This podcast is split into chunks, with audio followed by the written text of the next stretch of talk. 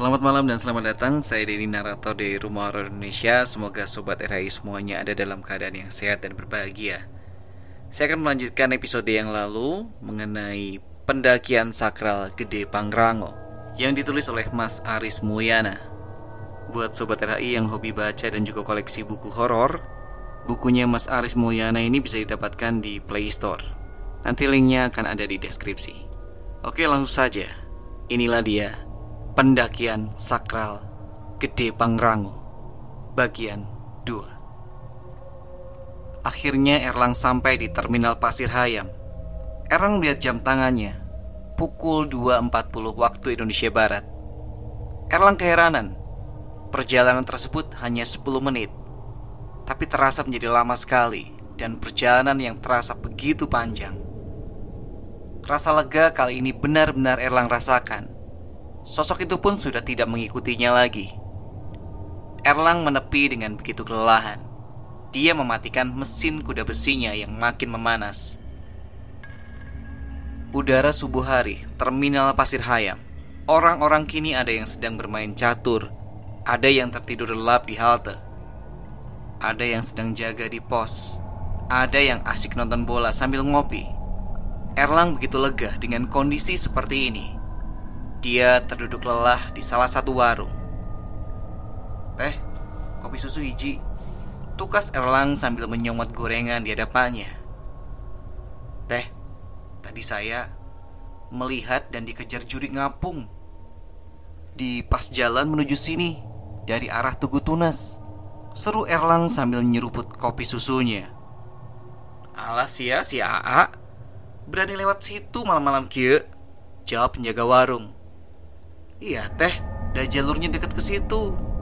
Terus di Raja Mandala juga saya ditumpangi malah sama Kunti. Seru Erlang sambil menyomot kembali gorengan. Aduh AA hati-hati ah. Kalau udah kayak gitu pasti ada sesuatu sama AA. Sampai dihantui gitu. Tukas penjaga warung menghardik Erlang. Erlang tertegun dan keheranan. Lantas apa yang menyebabkan Erlang dihantui oleh sosok-sosok yang membuatnya ketakutan? Erlang berpamitan pada penjaga warung untuk melanjutkan perjalanannya. Erlang kembali menghidupkan kuda besi berwarna merahnya. Kali ini Erlang bisa merasa tenang karena jalanan yang dilalui banyak kendaraan yang berlalu lalang dan melalui kawasan pasar. Orang-orang sudah berhamburan ke jalanan untuk memburu barang yang hendak dibeli. Erlang begitu menikmati perjalanan kali ini. Piston pada kuda besi berpacu dengan tenangnya, tanpa ada yang dikhawatirkan. Tetapi, tetap saja dia menerka-nerka apa yang salah dengan dirinya. Erlang tidak menggubris pikirannya itu. Mungkin hanya kebetulan saja sosok-sosok itu menakutinya. Pasar pun sudah dilaluinya. Kini laju roda kuda besi itu masuk di kawasan pedesaan yang begitu asri. Waktu pun menunjukkan pukul 3.30 waktu Indonesia Barat. Walau begitu hening, tapi kondisi hati Erlang saat ini begitu tenang. Tidak merasakan hal-hal yang akan membuat dia ketakutan. Lampu bolam kuning memancarkan sinar pada tiap-tiap rumah yang berada di desa tersebut. Dindingnya terbuat dari bilik yang tersusun elok, berlantaikan kayu, dan suara khas dari hewan-hewan nokturnal yang menghiasi suasana malam. Hei Riz, seru Lukman dari teras salah satu rumah yang sedang mengemasi barang bawaannya. Dan di sana ada Daru, Agi, serta pemandu bernama Mang Ade yang akan melakukan petualangan mendaki Gunung Gede Pangrango dengan jalur napak tilas. Hei semua, sapa Erlang kepada mereka. Kayaknya pendakian Dimulainya bisa jam 9 atau 10 nggak? Soalnya aku lelah banget dan ada kejadian yang menegangkan di jalan tadi. Sekarang aku mau istirahat dulu ya. Ya. Tukas Erlang. Oh ya udah kalau gitu Lang, kamu istirahat dulu. Kami juga belum minta izin api akum untuk melakukan napak tilas. Suara gesekan antara dedaunan dan alas sepatu yang hanya kini terdengar. Langkah kaki yang terus berayun Entah sudah berapa jauh kami melangkah Serta nafas yang terengah-engah akan perjalanan yang panjang ini Baru di pos tiga mereka tiba Erlang sudah tak sabar ingin melemaskan urat-urat kakinya yang mulai terasa mengeras. Eh, aduh. Enaknya bisa duduk dan rebahan sambil nyender di pohon yang gede ini. Apalagi sambil minum dinginnya jus jeruk. Wih, asam-asamnya keren deh. Gumam Erlang seraya menyenderkan punggungnya ke pohon yang menjulang tinggi besar. Lah ini aja udah baru sampai pos 3 udah lemes. Gak ada ojek apa ya? Seru Agi menyusul menyenderkan punggungnya ke pohon. Hahaha, G Agi, tinggal empat pos lagi nih. Masih panjang perjalanan kita. Ini baru rintangan awal coy Jawab Lukman sembari membuka botol air minum Erlang berpikir sejenak tentang perjalanan yang panjang ini Sudah melewati kebun teh yang terhampar luas Meliuk-liuk secara pendakian sakral Gede Pangrango Berirama pada kaki gunung gede Yang begitu gagah di hadapannya Kini Erlang dan yang lainnya sudah berada di dalam hutan di mana matahari selalu mencari celah untuk memberikan kehangatan tapi di daun dan pepohonan yang menjulang memberikan perlindungan kepada kami. Erlang tersadar oleh teriakan Mang Ade yang sedari tadi melanjutkan perjalanan. Oi, hayu ah, lanjut biar gak kemalaman di dalam hutan. Teriak Mang Ade sembari berjalan memunggungi kami. Huh, lumayanlah pendakian pertamaku ini. Gak sia-sia gue ikut kalian bro, tukas daru. Seraya menyusul langkah Mang Ade. Perjalanan ini akan memakan waktu sangat lama. Sudah tiga jam perjalanan mendaki hingga pos 3. Mang Ade menginformasikan bahwa untuk menempuh perjalanan ini memakan waktu 8 hingga 9 jam untuk mencapai puncak. Mang Ade adalah anak dari seorang kuncen gunung gede yang bernama Akum Api. Mang Ade mengantar kami untuk melakukan pendakian gunung melalui jalur kuncen atau yang disebut dengan jalur napak tilas. Adapun beberapa ritual yang dilakukan sebelum perjalanan ini dilaksanakan. Di antaranya memberi telur ayam kampung, memberi rokok kretek, serta menuliskan nama orang yang hendak mendaki pada secari kertas. Aku Mapi adalah kuncen Gunung Gede dan Gunung Pangrango. Umurnya kini menginjak 113 tahun. Namun, walau umurnya sudah satu abad lebih, pendengaran dan penglihatan api masih normal Berbicara pun masih terdengar jelas Walau selalu menggunakan bahasa Sunda buhun atau bertata krama. Api pula mengingatkan kami untuk menjaga sikap, sopan santun, jaga perkataan Dan jangan lupa berdoa Mengharapkan ridho Allah atas perjalanan ini. Hutan lebat dan masih asri ini memang jalur yang paling menarik untuk dilalui pendaki Memangkas rindangnya tumbuhan yang menutupi jalur yang kami lalui Mang Ade berada di posisi paling depan. Disusul oleh Erlang, Daru, Agi, dan yang paling belakang Lukman. Hup Teriakan Mang Ade. Ada apa Mang? Tukas Erlang dengan begitu penasaran. Minta kantong kresek. Ada obat nih. Bisa untuk stamina juga Jawab Mang Ade Yang sedari tadi menatap tajam sesuatu yang membuat penasaran. Emang apaan sih Mang? Tumbuhan ya Mang? Tukas Agi seraya menyodorkan kantong kresek ke arah Mang Ade. Bukan, jawab Mang Ade singkat, sembari menerima kantong kresek tanpa menoleh. Sembari memungui Erlang, Agi, Daru, dan Lukman, Mang Ade mengambil batang kayu dan mulai mengarahkan kepada sesuatu yang membuat penasaran. Mang Ade mendapati apa yang sedari tadi membuat yang lainnya menjadi begitu penasaran. Maka diangkatnya lah batang ranting tersebut Mang Ade berbalik serta menunjukkan apa yang didapatkannya. Semua tercengang dan kaget melihat hewan yang didapatkan Mang Ade. Mang, gede banget. Gua kaget lihat hewan ini. Ukurannya lebih besar dari biasanya. Kumam Daru sambil melongo. Anjay, ngeri ngeri ngeri mang. Sambar Erlang Saraya menggelengkan kepalanya dan mulai mengeluarkan handphone untuk memotretnya. Lah, ini mah yang ada di film SpongeBob.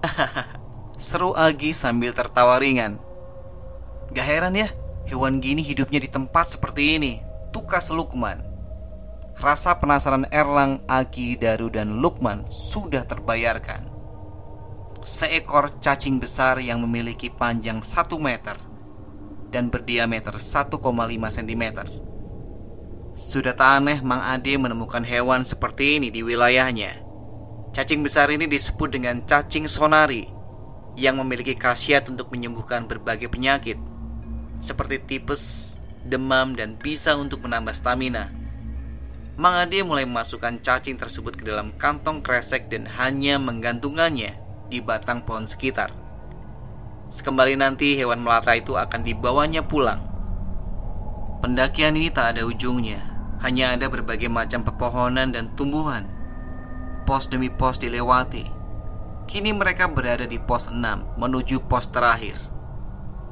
Matahari sudah enggan lagi menampakkan dirinya, hanya meninggalkan mereka dengan kegelapan. Waktu menunjukkan pukul 18. Dalam heningnya malam di dalam hutan, hanya ada lima orang manusia yang sudah bermandikan keringat dan memikul rasa lelah. Mang Ade yang sedari tadi berada di depan, kini dia sudah tidak terlihat Erlang dan yang lainnya sesegera mungkin untuk bisa menyusul Mang Ade. Bisa gawat ceritanya kalau kesasar dan kehilangan jejak Mang Ade di suasana seperti ini. Erlang melihat ke sekitar. Pohon-pohon yang sedari tadi menjulang kini tinggal menyisakan ketinggian beberapa meter saja. Pertanda makin pendek pohon, makin dekat pula puncak. Dan siapanya nah Ternyata di hadapan Erlang kini pepohonan pun sudah tak menutupi langit luas. Dan ternyata itu adalah puncak dari gunung gede. Erlang dan yang lainnya kini mempercepat laju sepatu gunungnya itu. Dan akhirnya Erlang dan kawan-kawan tiba di puncak gede. Terdengar suara seseorang sedang melantunkan ayat-ayat Al-Quran dan doa. Suara itu terdengar seperti suara mengade. Suara lantunan itu memecah malam membuat Erlang, Agi, Daru, dan Lukman merasakan betapa merindingnya ketika ayat-ayat dibacakan. Suara dari Mang Ade semakin mengeras, terkadang pula semakin melamban. Kini Mang Ade duduk di tanah yang menghadap ke arah tali yang membentang di antara tancapan-tancapan batang kayu sehingga membentuk sebuah persegi. Layaknya seperti garis polisi yang tidak diperbolehkan kita memasuki ke area itu. Dan sedari tadi Erlang berpikir apa itu? Suasana malam kembali memecah. Kini pikiran Erlang baru sadar bahwa ayat-ayat lantunan tersebut adalah lantunan orang yang sedang melakukan ziarah. Dan arti tali yang membentang ini ada sebuah kuburan yang berada di puncak gunung gede. Suasana kini begitu mistis. Terasa ada sosok yang mulai menghampiri kelima orang itu. Tapi dengan tenangnya, Mang Ade tetap melanjutkan ritualnya itu dan meminta agar keselamatan dalam perjalanan dan meminta izin untuk bisa berkegiatan di wilayah ini. Angin malam mulai terasa, suasana dingin dan mencekam pada puncak gede yang dihadapkan dengan kuburan keramat yang berjenazah kuncen terdahulu. Mang Ade meminta Erlang dan yang lainnya untuk berdoa dengan teguh dan yakin kepada Allah Subhanahu wa taala karena dengan izin dan ridho darinya lah kita bisa berlindung dari apa pun. Kini Mang Ade mengusapkan tangan ke arah mukanya sembari mengangkat badannya untuk berdiri. Dan Mang Ade berlalu dari kuburan tersebut dan mulai melanjutkan perjalanan. Sekarang kita akan menuju tempat napak tilas selanjutnya, yaitu Liang Saketeng. Seru Mang Ade sembari memulai melangkah. Erlang dan yang lainnya hanya bisa diam dan mengiyakan saja. Suasana kali ini sungguh berbeda dengan siang hari. Terasa begitu sakral. Untuk berucap pun terasa begitu enggan. Langkah demi langkah jalanan menurun dari puncak tersebut. Disuguhkan hamparan luas sebuah tumbuhan yang samar-samar terlihat di kala malam hari. Surya kencana hamparan tanah datar berada di sebelah kanan, begitu eloknya dengan ditumbuhi tumbuhan abadi Edelweiss di atasnya. Keelokan tersebut mulai tak terlihat karena terhalang oleh rimbunnya pepohonan. Seraya mengingatkan bahwa tetap fokuslah pada tiap langkahmu. Kini lima orang tersebut dihadapkan dengan sebuah lubang yang sudah disemen, membentuk seperti gua. Ya, inilah yang dimaksud Mang Ade tadi, yaitu liang saketeng.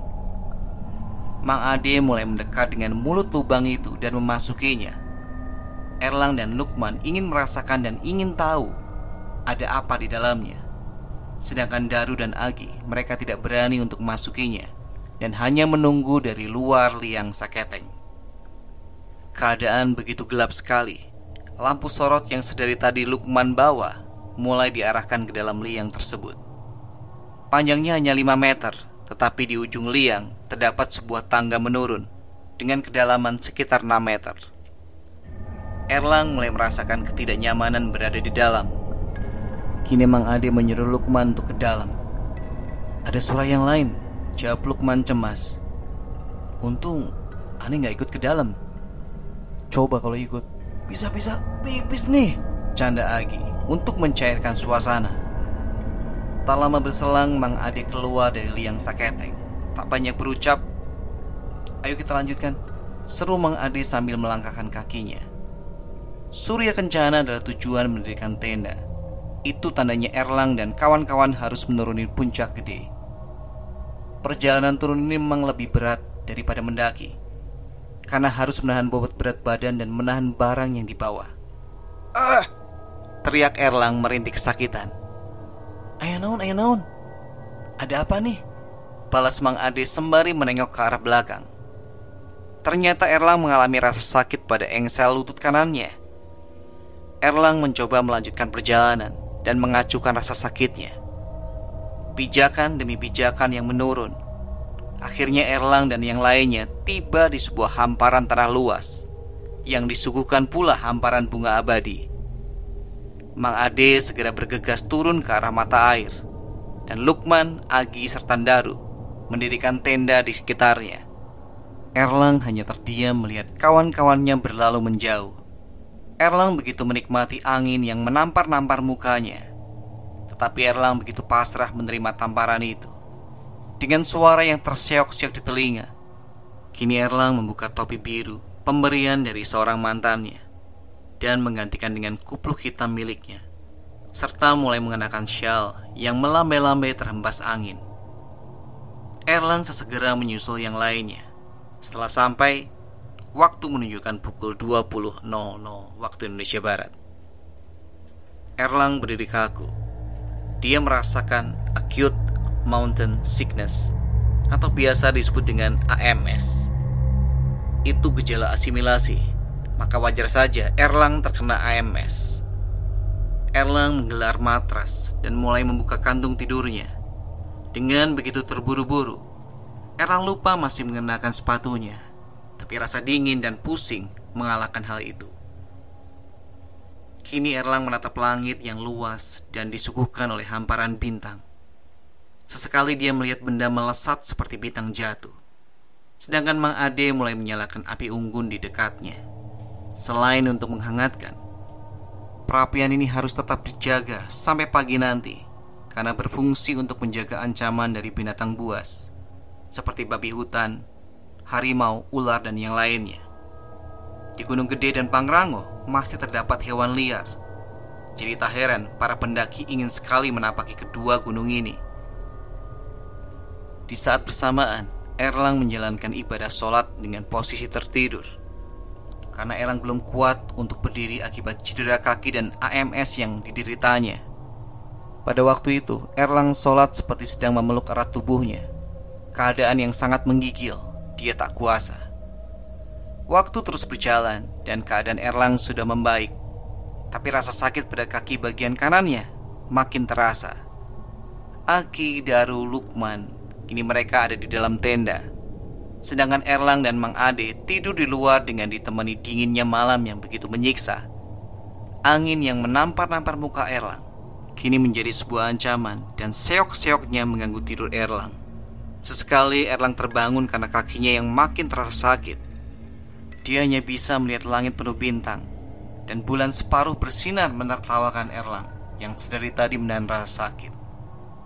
Pukul 2 pagi, Erlang terbangun kembali. Bukan hanya rasa sakit yang membangunkannya. Kini Erlang terbangun karena suara yang begitu lantang dan jelas. Erlang berpikir sejenak. Suara apakah ini? seperti tak asing bagiku. Erlang bertanya keheranan. Erlang memicingkan mata dan fokus pada suara tersebut. Dan kini Erlang sadar akan suara yang didengarkannya. Erlang kaget dan takut bukan main. Bulu kuduknya pun berdiri dengan sigapnya. Suara auman binatang buas. Ini terdengar seperti suara macan. Erlang bersembunyi di balik kantung tidurnya. Sesekali dia mengintip. Erlang makin panik karena ternyata perapian sudah padam sedari tadi. Erlang menengok ke sebelah kanan. Mang Ade tertidur begitu lelapnya. Mang Ade tidur merapat dengan tenda sedangkan Erlang berada 2 meter dari tenda. Mungkin rasanya tidak terlalu jauh, tapi dalam kondisi seperti saat ini, Erlang tidak boleh bergerak. Selain rasa sakit yang diderita, Erlang juga takut macan itu menyadari keberadaannya. Suara auman mulai menjauh dan hilang. Erlang kini merasa tenang, menatap langit yang dihiasi kerlap-kerlip bintang. Tiba-tiba awan hitam menutup pandangan Erlang yang sedari tadi menikmati indahnya malam. Namun anehnya, awan itu hanya menggumpal di hadapannya saja. Dan ternyata itu bukan awan, melainkan sesosok makhluk hitam besar sedang berjalan di atas kepala Erlang dalam posisi terlentang. Erlang memejamkan matanya, penuh dengan rasa takut. Dia hanya terdiam saja ketika gumpalan hitam itu menghampirinya. Lalu Erlang teringat pesan dari akum api. Upami papendak kalangkan anu badak kacida temang rupa. Hantep weh etama mual naon.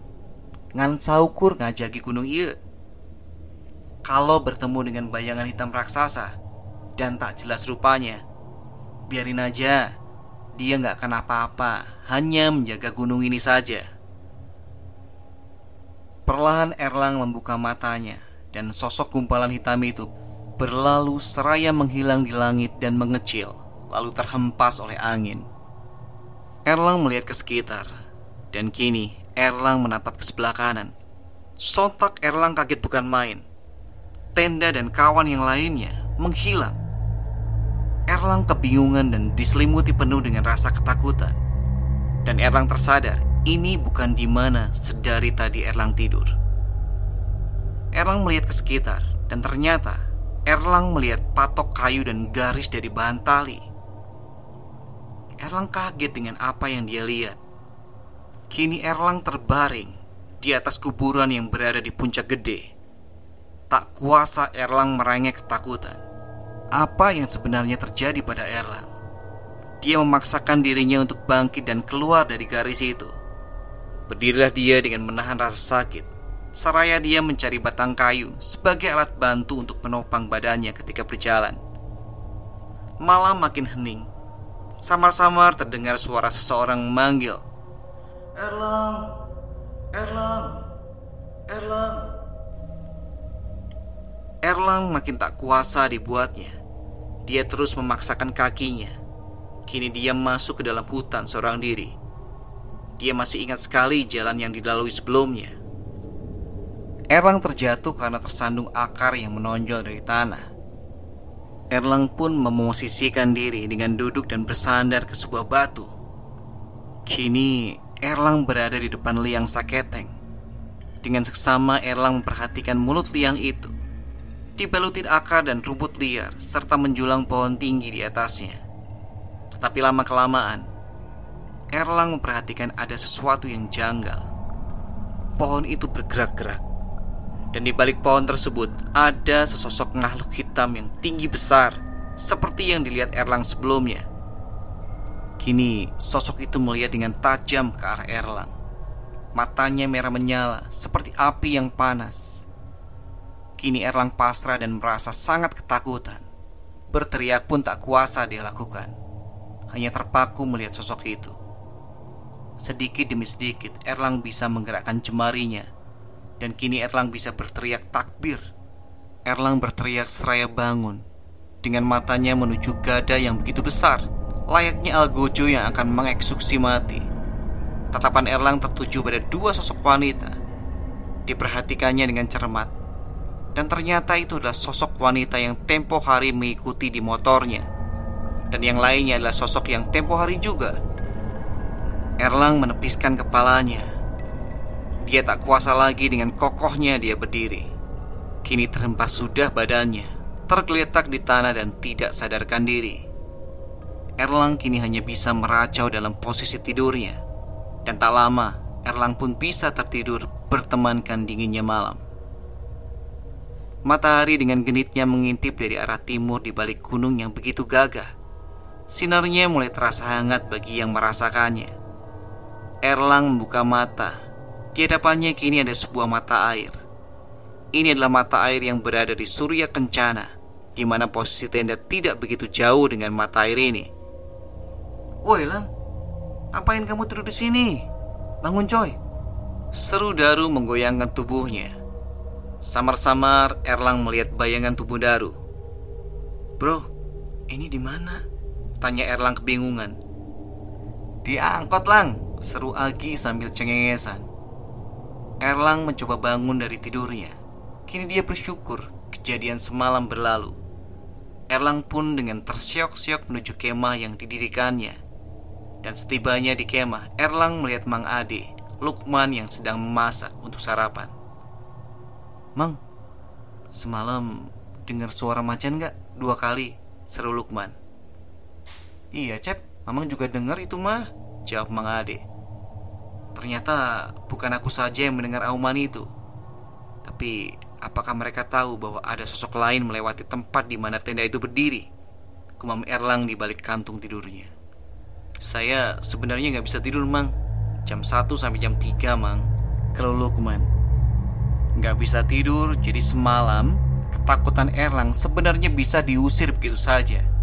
Akan tetapi Lukman berada di tenda Masalahnya Erlang tidak mengetahuinya. Kampret, tahu gitu aku teriak aja semalam, kumam Erlang kesal. Matahari dengan gagahnya terus menaik ke langit. Hari semakin panas. Namun semilir angin di ketinggian di atas 2500 meter di atas permukaan laut terasa begitu sejuk dan hangat. Semua insan merasakan anugerah pemberian dari Yang Maha Kuasa. Keadaan Erlang kini sudah membaik dari IMS namun kaki sebelah kanan masih terasa sakit meski tak separah sebelumnya. Nanti kita akan naik ke puncak sana. Di sana ada kawah dan lautan awan. Seru Mang Ade sambil menunjuk ke salah satu puncak yang terlihat dari Surya Kencana. Wah, asik tuh. Siapin alat dokumentasi ah, tukas Agi sambil bersiap-siap. Waduh, ini memberatkan bagi yang kakinya tidak bisa berjalan sempurna. Kumam Erlang sembari menarik nafas. Tenang aja Bray, di atas pasti rasa sakitmu itu akan terobati kok, jawab Lukman. Erlang dan kawan-kawan beriringan berjalan berbaris, menelusuri hamparan yang begitu luas. Di kiri dan kanan jalan banyak hamparan bunga Edelweiss. Erlang berjalan dengan rasa sakitnya. Erlang mengeraskan dan meluruskan kaki kanannya yang terasa sakit. Karena kalau ditekuk, rasa sakit akan semakin terasa. Dalam hutan, kini Erlang tertinggal jauh Hutan kali ini tidak terlalu begitu liar seperti hutan sebelumnya. Jalur mendaki kini membentuk sebuah susunan-susunan batu, membentuk seperti tangga yang begitu elok dalam hutan. Pendakian untuk mencapai puncak hanya memerlukan waktu sekitar 60 menit. Tapi buat Erlang, itu akan terasa berat. Namun dengan penuh semangat, Erlang terus mendaki, menaklukkan batu demi batu yang membentuk anak tangga. Semilir puncak gede terasa begitu indah. Hamparan awan yang membentuk hamparan laut yang sangat luas terbentang. Elok. Semilir angin berhembus dengan sejuknya. Seorang pemuda berdiri di depan tali pembatas puncak gede. Kini, rasa di kakinya tak terasa sakit apa pun. Melihat keindahan yang begitu mempesona, membuat dia terkagum-kagum dan takjub. Oke, itulah tadi penutup dari cerita pendakian sakral Gede Pangrango. Semoga kalian terhibur. Sampai ketemu di cerita berikutnya. Selamat malam, selamat beristirahat.